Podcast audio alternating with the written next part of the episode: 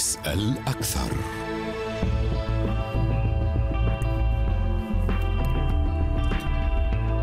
مشاهدينا الكرام طابت أوقاتكم. أمام تشابك المصالح الاقتصادية بين بلدان الاتحاد الأوروبي وروسيا وإجماع المواقف الأوروبية على شمولية مفهوم الأمن فلا يتجزأ لصالح دولة على حساب أخرى. تبرز الخلافات بين الأوروبيين والأمريكيين وتتعمق كلما ارتبط الأمر بمسألة فرض عقوبات على موسكو. فحسب تقرير لصحيفة الفاينانشال تايمز فإن واشنطن وبروكسل غير قادرتين على التغلب على الخلافات بشأن حجم وطبيعة العقوبات. خلافات تفسرها صحيفة فيلت أم زونتاج الألمانية بصعوبة إيجاد برلين مثلا التي تعتمد على إمدادات الطاقة الروسية بنحو 64% على بديل للنفط والفحم والغاز الروسي. بموازاة ذلك تثقل الفاتورة الباهظة لدعم أوكرانيا جيوب الأوروبيين حيث أعلن المفوض الأوروبي للشؤون الخارجية جوزيف بوريل في مؤتمر ميونخ للأمن أن الاتحاد لم ينفق أموالا على أي دولة أكثر من أوكرانيا التي تلقت 17 مليار يورو من بروكسل. ورغم ذلك فإن طريق الانضمام ما زال طويلا. فهل تكمن مصلحة الأوروبيين الاقتصادية والأمنية في مواجهة روسيا. أم أن واشنطن تقود الأوروبيين نحو المواجهة.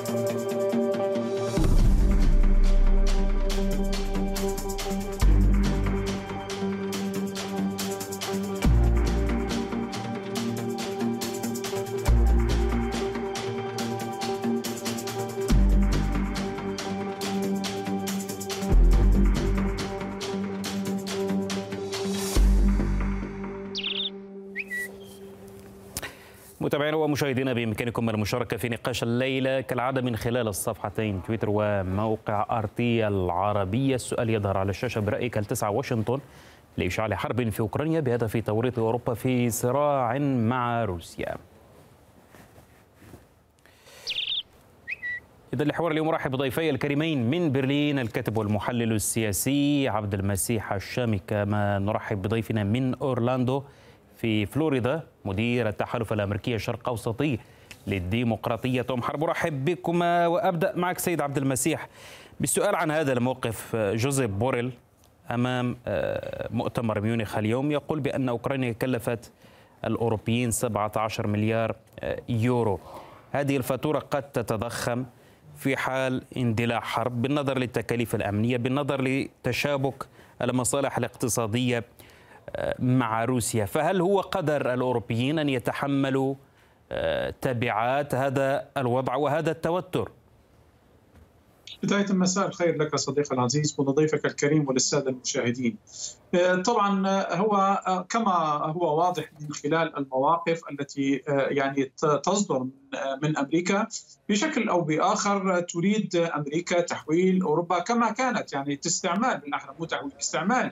أوروبا ك يعني مطية لتمويل مشاريعها وأيضا لاستعمال القوى العسكرية والمالية والاقتصادية الأوروبية لتنفيذ مشاريعها هنا وهناك. واليوم المشروع الأمريكي هو ليس فقط استعمال اوروبا أو يعني القوى الأوروبية والجيوش الأوروبية والناتو والذي كان على على الدوام عصا تستعملها أمريكا لتنفيذ مشاريعها. اليوم تريد ضرب الأوروبيين مع الروس وإشعال حرب فيما بينهم من خلال أوكرانيا. هذا المشروع الذي كما تفضلت كلف أوروبا المليارات ولم يأتي بنتائج. اليوم السؤال الذي يطرح هنا دائما ما هي فائدة أوروبا من كل من دفع كل هذه الأموال إلى أوكرانيا؟ وما مصلحة أوروبا اليوم بإشعال حرب في أوكرانيا؟ ولماذا يجب أن تمول أوروبا هذه الحرب؟ علما أنها ضد مصالحها وهي بشكل أو بآخر لها مصلحة كبيرة بفتح علاقات وبتنمية العلاقات مع روسيا والتي تعتبر اليوم روسيا ربما الحليف الأفضل والأقرب والأهم بالنسبة للاتحاد الأوروبي إذا قارناه باوروبا بأمريكا. وهذا ربما ما يجعل أمريكا تعيش هذه الهستيريا. اليوم تخاف أوروبا تخ... أمريكا تخاف من أوروبا وتخاف من العلاقات الأوروبية الروسية بأن تحل روسيا مكان أمريكا في التحالف مع الاتحاد الأوروبي وأن نعم. يكون هذا التقارب على حساب مصالحها، لذلك وضح. تضغط بهذا الاتجاه نعم. وهذا طب. السؤال طبعا نعم اسمح اسمح لي انتقل للسيد توملي لأسأل أيضا عن موقف الجانب الآخر يعني عندما تقول واشنطن أنها يعني وسعى وزير الخارجية لإظهار هذا يعني قبل أن يتحادث مع لافروف قام بجولة على عدد من البلدان الأوروبية يعني السؤال من من من من هذه النقطة هل واشنطن فعلا عندما تحاور الروس تتحدث باسم كل أعضاء حلف الناتو باسم الأوروبيين آه، من الأعضاء في الحلف؟ أولا مرحبا لك والضيف الكريم عبد المسيح والمشاهدين طبعا الولايات المتحدة هي عضو في الناتو وكائن أساسي هنالك فمن واجباتها أن تتكلم طبعا بشكل آه، ملتزم مع حلف الناتو ولكن حلف الناتو اليوم أما الدول الأوروبية كل واحدة منها لديها مصالح مختلفة. وأنا هنا أقول للسيد عبد المسيح التالي بأن عندما كانت إدارة الرئيس ترامب السابقة ما فعلت في أوروبا كانت توحد جهود الناتو تفرض على الدول التي لم تلتزم بمسؤولياتها والرسومات عليها للناتو مثل ألمانيا وغيرها. وبنفس الوقت وضع عقوبات على خط الغاز الآتي من روسيا إلى إلى قلب أوروبا. وهنالك حاول يوحد الأوروبيين مع بعضهم وتحدث بقوة مع الرئيس بوتين. ولكن عندما أتت الإدارة الجديدة في الولايات المتحدة أول شيء فعله الرئيس بايدن هو رفع العقوبات عن خط الغاز وبنفس الوقت رفع آه، توقيف خط امدادات النفط من الولايات المتحدة إلى كندا.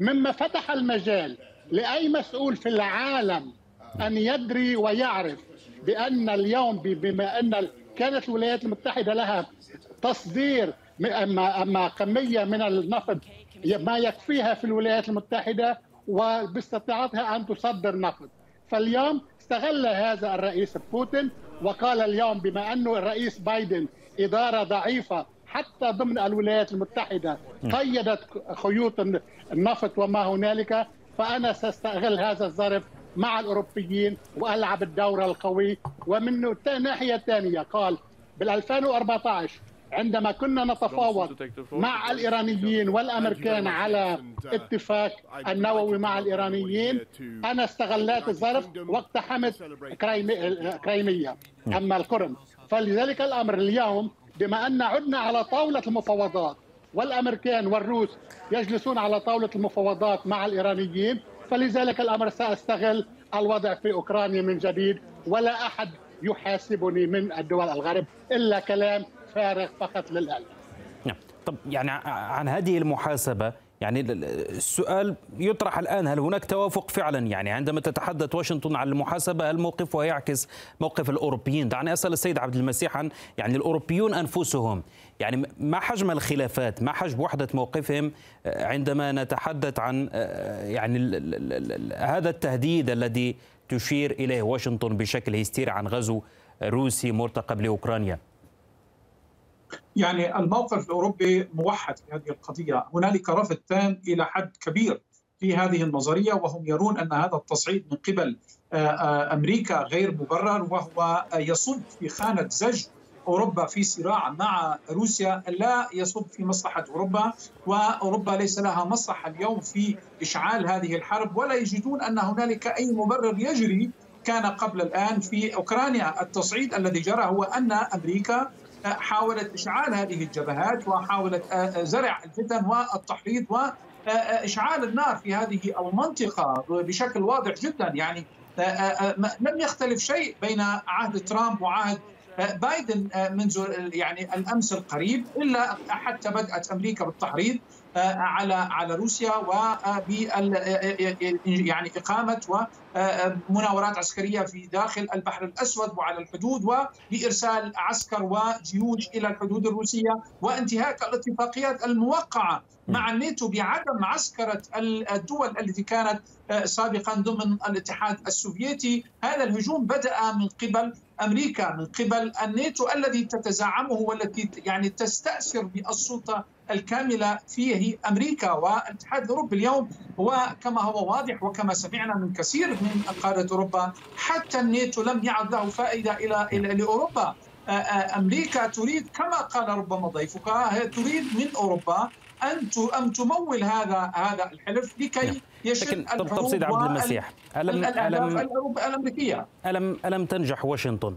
يعني حتى الموقف الألماني الذي كان في عهد ميركل يعني يعاند هذا التوجه الأمريكي المتعالي في التعامل مع الأوروبيين. يبدو أنه بدأ يتحول مع مقدم شولز. يعني آخر تصريحاته يبدو أنها بدأت تتماهى مع ما يطرحه الأمريكيون. بشكل أو بآخر لا لا يوجد تغيير جذري أو تغيير بالخط العام بالإطار العام للسياسة الألمانية. وكلام شولتز كان واضح يعني كمان في أكثر من موقع وحتى من أكثر من مسؤول أنه موضوع العلاقات مع مع روسيا لا لا يجب أن تدخل في خط الصدام العسكري ولا يرجحون الصدام العسكري ولا بل أن الدبلوماسية هي الحل الذي الذي يطرحه الذي تطرحه ألمانيا قبل غيرها. ويعرف الجميع أن في بداية هذه الأزمة سعت ألمانيا بشكل منفرد بالطلب من أمريكا لكي تدخل بحوار سياسي مع مع روسيا لحل الأزمة الأوكرانية ولكن يعني الرد الأمريكي كان واضح أنه إذا أردتم منا كألمانيا وكأوروبا أن نحل هذا الموضوع بشكل سياسي مع روسيا وعدم السير قدما بإشعال الحرب فيما فيما معناه يجب أن تتخلوا عن سيل الشمال. اثنين الواضح يعني طبيعة العلاقات وطبيعة الشروط التي تمليها أمريكا على أوروبا وعلى ألمانيا. تفشل أو فشلت حتى الآن في تقديم بديل. سيد توم يعني أمام هذا ما يبدو أن واشنطن يعني تسوق الأوروبيين نحو مواجهة مع روسيا، يعني ما الذي تقدمه واشنطن من جانبها؟ البعض قد يقول قدمت بعض الأسلحة القديمة بعض الخردة من من دول البلطيق التي سعت للتخلي عنها بما أنها أعضاء في دول حلف الناتو قدمتها لأوكرانيا لأنها ستتلقى أسلحة جديدة من الولايات المتحدة، ما الذي قدمته من أموال؟ كان الأوروبيون خسروا 17 مليار يورو حسب مفوض الشؤون الخارجية جوزيف بوريل فبالنسبة لواشنطن ماذا قدمت؟ أنا أولا لا أتصور بأن الولايات المتحدة تدفع الأوروبيين لمواجهة مع مع روسيا لأن إذا كانت هذا صحيح فكانت ستضع عقوبات. كذا عضو بالكونغرس الأمريكي ومجلس الشيوخ قدموا مشاريع في الأسبوعين الماضيين لوضع عقوبات مثل ما كانت بعهد الرئيس ترامب على روسيا ولكن إدارة بايدن رفضت أي عقوبات بالوقت الحاضر. وإذا كانت بالفعل الولايات المتحدة تدفش الأوروبيين ربما كانت دفعت بحوالي خمسين ألف جندي من الناتو للمواجهة مع روسيا وهذا لم يحصل. وثالث نقطة ربما كان الأمريكان انسحبوا من المفاوضات مع بفيينا مع الإيرانيين التي تجلس روسيا كعضو في هذه المفاوضات. فكل هذا ما يحصل يعني ليس هنالك بالفعل الاتهام التي توجهت به إنه الأمريكان يدفعون أوروبا للمواجهة هذا غير صحيح.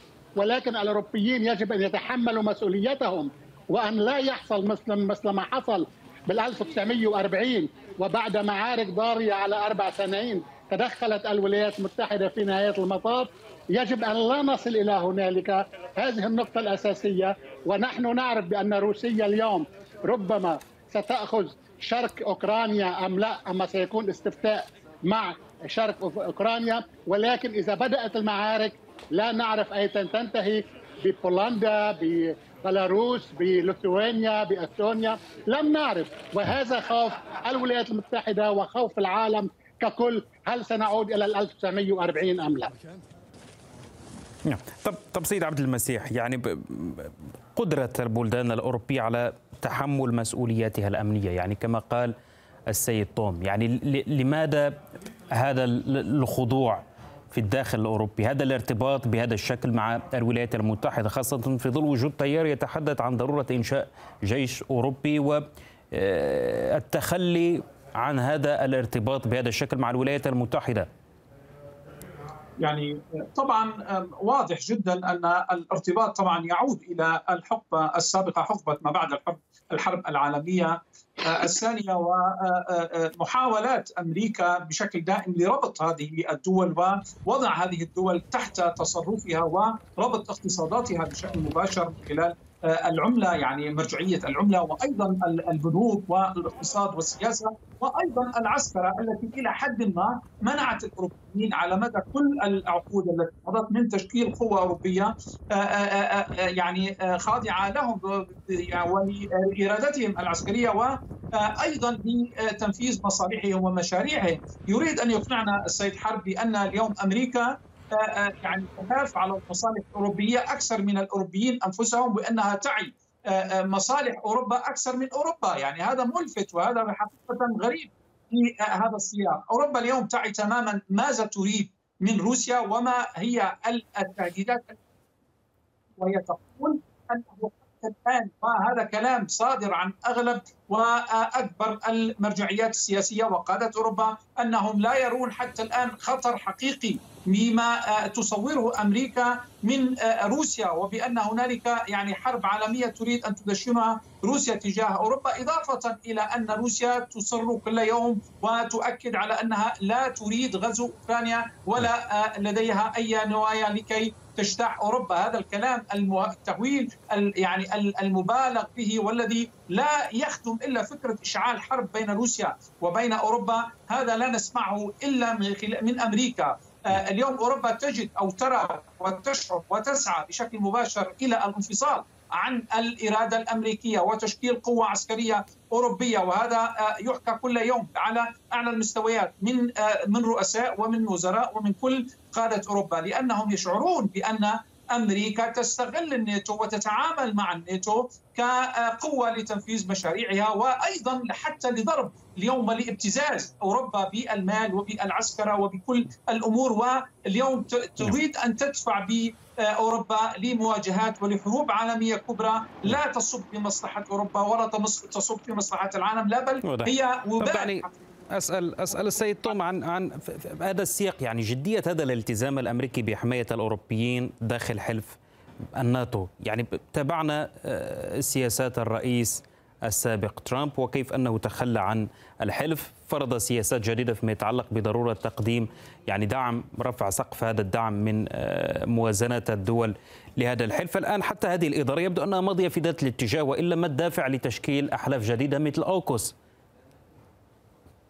لا أولا الأوروبيين هم هم الذين طلبوا حماية بالأربعينات وليس الأمريكان اللي طلبوا قدموا الحماية إلى الأوروبيين. ولكن بعد الحرب العالمية الثانية كان هنالك اتجاه بأن نحن ربما مصالحنا في خطر وشعرناها يعني من من ال 45 46 لعند انحلال الاتحاد السوفيتي ككل والخطر السوفيتي كان موجود في أوروبا وكان موجود في كل بلدان العالم. ولكن اليوم لأنه حاسين بارتياح بأوروبا الغربية وبيعتبروا إنه روسيا ليست خطر فمعناتها نحن بدنا نقول للأمريكان حلوا عنا روحوا على بيوتكم. وعندما نشعر بالخطر سنادي الأمريكان هذا لا يحصل بين ليلة وضحاها. لأنه بده يكون في استمرارية بالحياة والتحالفات اقتصادية تجارية أمنية دفاعية. كلها بدها تكون رزمة واحدة وليس باستطاعة كل بلد لكن أن يعني الآية اختلفت. هذه المرة سيد توم يعني الأوروبيين يقول ليس هناك خطر لكن واشنطن هي من يفرض وتقول لهم أن هناك خطر.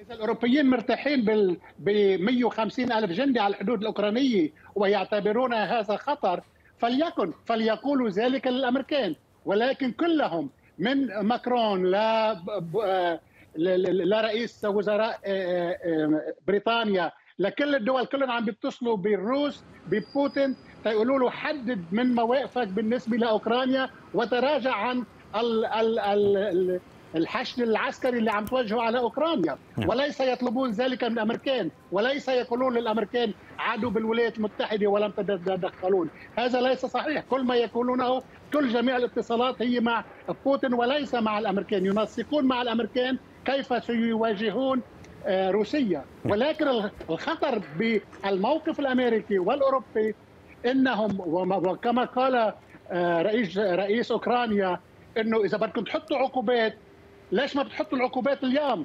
ليش مستنظرين تحطوا العقوبات بعد الهجوم الروسي على أوكرانيا؟ ومعه حق الرئيس الأوكراني معه حق لازم يحطوا العقوبات اليوم يوقفوا خط السيول اثنين بين بين ألمانيا وبين بين روسيا ويحشدوا جيش إذا بدهم يحشدوا جيش ويحطوا أكبر عقوبات وعندئذ يعودون إلى طاولة المفاوضات. نعم. يعني يعني واشنطن ألا ترى ان هنا سيد توم يعني نقطة أخيرة مرتبطة بال يعني بموازاة هذا الوضع الان من الجانب الاقتصادي ما يتعلق بفرض السياسات. يعني عندما تقول واشنطن أنها مستعدة لفرض بدائل للطاقة للأوروبيين وتفشل في ذلك ورغم ذلك تصر عليهم أن يوقفوا السيل الشمالي اثنان. لم تفرض عليهم شيئا بالوقت الحاضر.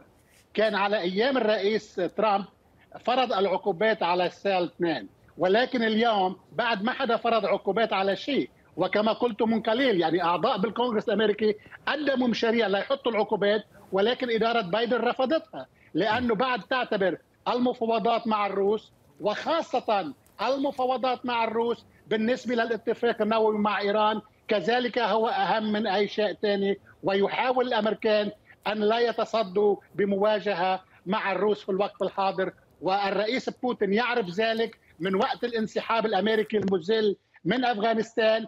اليوم للرئيس بوتين رصيد سياسي سيستعمله مع هذه الإدارة بواشنطن لأكثر مرحلة يستطيع لأنه بيعرف بعد عنده ثلاث سنوات يستطيع أن يستعمل الرصيد السياسي في أوروبا وأي مكان. في الشرق الأوسط. نعم، طيب سيد عبد المسيح يعني بالنظر إلى يعني هذه المصالح الاقتصادية المتشابكة مثلا لدولة مثل ألمانيا مؤثرة في السياسات الأوروبية، كيف سوف يعني تتحرك؟ هل يمكن فعلا أن تمضي في هذا الاتجاه الأمريكي الذي يسعى لفرض عقوبات على روسيا أم أنها قد تكون قوة مقاومة وضغط ومواجهة لدى التوجه الأمريكي؟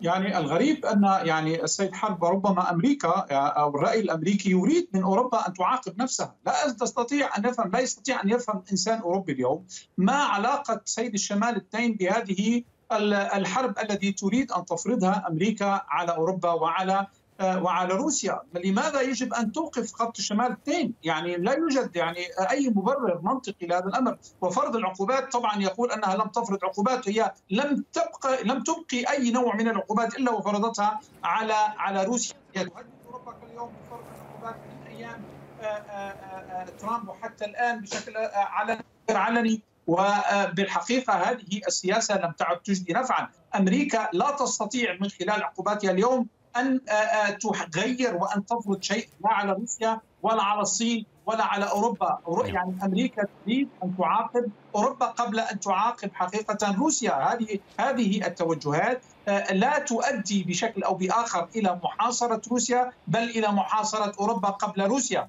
اليوم إذا قطعت قطعت الامدادات الغاز والنفط من من من روسيا ما لا يوجد أي بديل وحتى لو سعوا إلى بديل يحتاج إلى سنوات حتى يستطيع دخول حيز التنفيذ. وبالتالي هذه الطلبات غير ممكنة التحقيق. من قبل أوروبا، هذا الأمر غير وارد، الموضوع ليس مطروح للنقاش ولا يمكن أن تقبل به أوروبا ولا أن تعطي هذه الورقة إلى أمريكا تحت أي شعارات إن كان تحالفات أو غير تحالفات. الحليف يجب أن يكون حريص على مصالح حليفه، ليس أن يزج به في النار بنار حرب عالمية يمكن أن تحرق الأخضر واليابس في أوروبا وفي آسيا وفي كل العالم، وأمريكا بقيت بالمفاوضات. مع الايراني ليس حبا لا بأوروبا ولا بإيران ولا بروسيا بل خدمة لمصالحها. أمريكا لا تفعل شيء خدمة صحيح. لأحد. هي تريد يعني اليوم. في هذه النقطة إذا سمحت لي سيد عبد المسيح. أسأل سيطون في هذه النقطة. يعني البعض يعني بعض القراءات هنا في روسيا تقول بأن واشنطن تدفع بالأوروبيين كالكاميكازي كالانتحار الذي يجب أن يموت لدحر العدو روسيا هنا كي تتفرغ واشنطن للصين. لا هذا ليس صحيح. يعني إنه إذا لو الامريكان عم يدفشوا الأوروبيين كانوا اليوم طلبوا منهم إرسال خمسين ألف جندي لمواجهة آه، روسيا.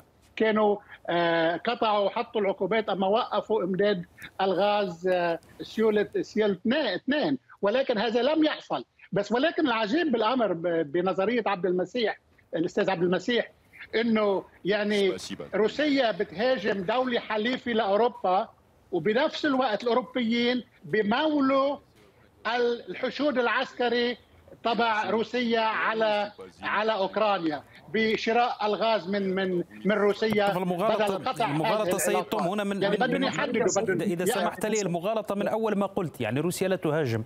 يعني روسيا تقول أن هناك خلاف في داخل أوكرانيا. ربما خلاف داخل أوكرانيا وأنا من هون بهالنظرية يمكن ألحق مع روسيا، يجب أن يكون استفتاء واستفتاء الشعب الأوكراني. إذا بشرق أوكرانيا بدهم يستقلوا ويكون عندهم حكم ذاتي أما دولة ذاتية هذا حق مصير هذه الشعوب ويجب أن نحترم حق هذه المصير. ولكن لا دولة تتدخل لمصالح أي شعب في أي مكان إلا من خلال عصبة الأمم والامم المتحدة التي وجدت لمصير هذه الشعوب. نعم طب طب طب هذا الكلام سيد توم يعني هذا صلب اتفاقيات مينسك فلماذا لا تدفع واشنطن لتنفيذ هذه الاتفاقيات؟ بالعكس تمد كييف بالمزيد من الأسلحة وتدفعها لمغامرة عسكرية جديدة. يعني هو بالفعل مد كييف بالأسلحة صار من شهرين لليوم. حتى على أيام الرئيس ترامب كانت مد بكميات قليلة حوالي 300 مليون دولار. وليس بالمليارات من من الدولارات وهذا كان النقم الأوكراني. والنقم الأوكراني لأنه كان في فساد بأوكرانيا. ومثل ما قالوا الأوروبيين بعثوا بأكثر من 17 مليار دولار. وين راحوا 17 مليار دولار؟ وكل العالم يعرف إنه الفساد الموجود بأوكرانيا يجب تنظيفه فإذا أوكرانيا بدها تكون من ضمن حلف الأطلسي تكون على القليله عندها استقلالية ولا ولا يكون عندها وقامت بالإصلاحات ولم تقم بذلك. ولكن اليوم بنهاية المطاف نعم. أنا أتصور بأن يجب أن يكون هنالك حل سلمي يجب أن يكون استفتاء في في في شرق أوكرانيا وإذا قرروا الانفصال عن أوكرانيا فلتكن بدون تدخل الروس ويجب أن يعودوا إلى الأمم المتحدة لحل نقطة, هذه نقطة جميلة أشرت إليها سيد توما. ودنا نسال سيد عبد المسيح ما يتعلق بموقف الأوروبيين؟ يعني كل هذه الأموال التي صرفت 17 مليار دولار لم تتم أي إصلاحات بوريل يقول أن الطريق مازال طويلا أمام أوكرانيا للانضمام للاتحاد الأوروبي ما يتعلق بالجانب الأمني الكثير من الإغراءات الكثير من الوعود والكثير من الأسلحة وزيلينسكي نفسه يقول اليوم يعني أعطونا جواب واضح هل أوكرانيا قادرة على الانضمام لحلف الناتو أم لا يعني لماذا هذا الغموض؟ يعني إن كانت واشنطن ربما بتسعى لتوظيف ورقة أوكرانيا فماذا بشأن الأوروبيين؟ لماذا تصرف كل هذه الأموال؟ يعني تصرف هذه الأموال وبشكل واضح سأجيب آه، عليك بفرض أمريكي، أمريكا تفرض هذا الأمر. كما فرضت على الأوروبيين تمويل كثير من المشاريع والدول التي آه، تريد بشكل أو بآخر هي أن تتحكم بسياستها، أمريكا لا تمول، لا تدفع أموال، آه، تفرض على الأوروبي أن يدفع هذه الأموال أو على الخليجي في أماكن أخرى. طبعا هذا الغموض لأن اروبي يفهم تماما أن هذه اللعبه لعبة أمريكية، أمريكا تأتي من وراء البحار والمحيطات لتتدخل بدولة على حدود روسيا وليس يعني لا يحق لروسيا أن تحمي نفسها من آه، هجوم ومن أخطار تأتي من دولة تعبث فيها أمريكا وتتحكم نعم. بسياستها وترسل لها أسلحة وترسل لها جنود وتفرض عليها بالإجبار أن تدخل في حرب مع روسيا شكرا. وبالتالي الروسي ليس مسموح له أن يعترض على هذا الأمر أو أن أشكرك الأوروبي يجب أن يمول هذه الحرب، يعني بأي نعم. منطق يمكن فهم السياسة الامريكيه حول الدراسيه. غير مفهوم. شكرا شكرا ضيفي الكريمين لم يتبقى اذا إلا التذكير بنتائج التصويت. برأيك هل تسعى واشنطن لاشعال حرب في أوكرانيا بهدف توريط أوروبا في صراع مع روسيا؟ 87% منكم اجابوا بنعم 12% أو نحو ذلك قالوا لا التصويت مستمر على صفحتين تويتر وموقع أرتيل العربية جزيل. الشكر لضيفي الكريمين. من برلين الكاتب والمحلل السياسي عبد المسيح الشامي أشكر أيضا ضيفنا من أورلاندو مدير التحالف الأمريكي الشرق أوسطي للديمقراطية. توم حرب شكرا لكما. إلى مشاهدينا الكرام نصل إلى ختام هذه الحلقة. إلى موعد آخر طيب المنى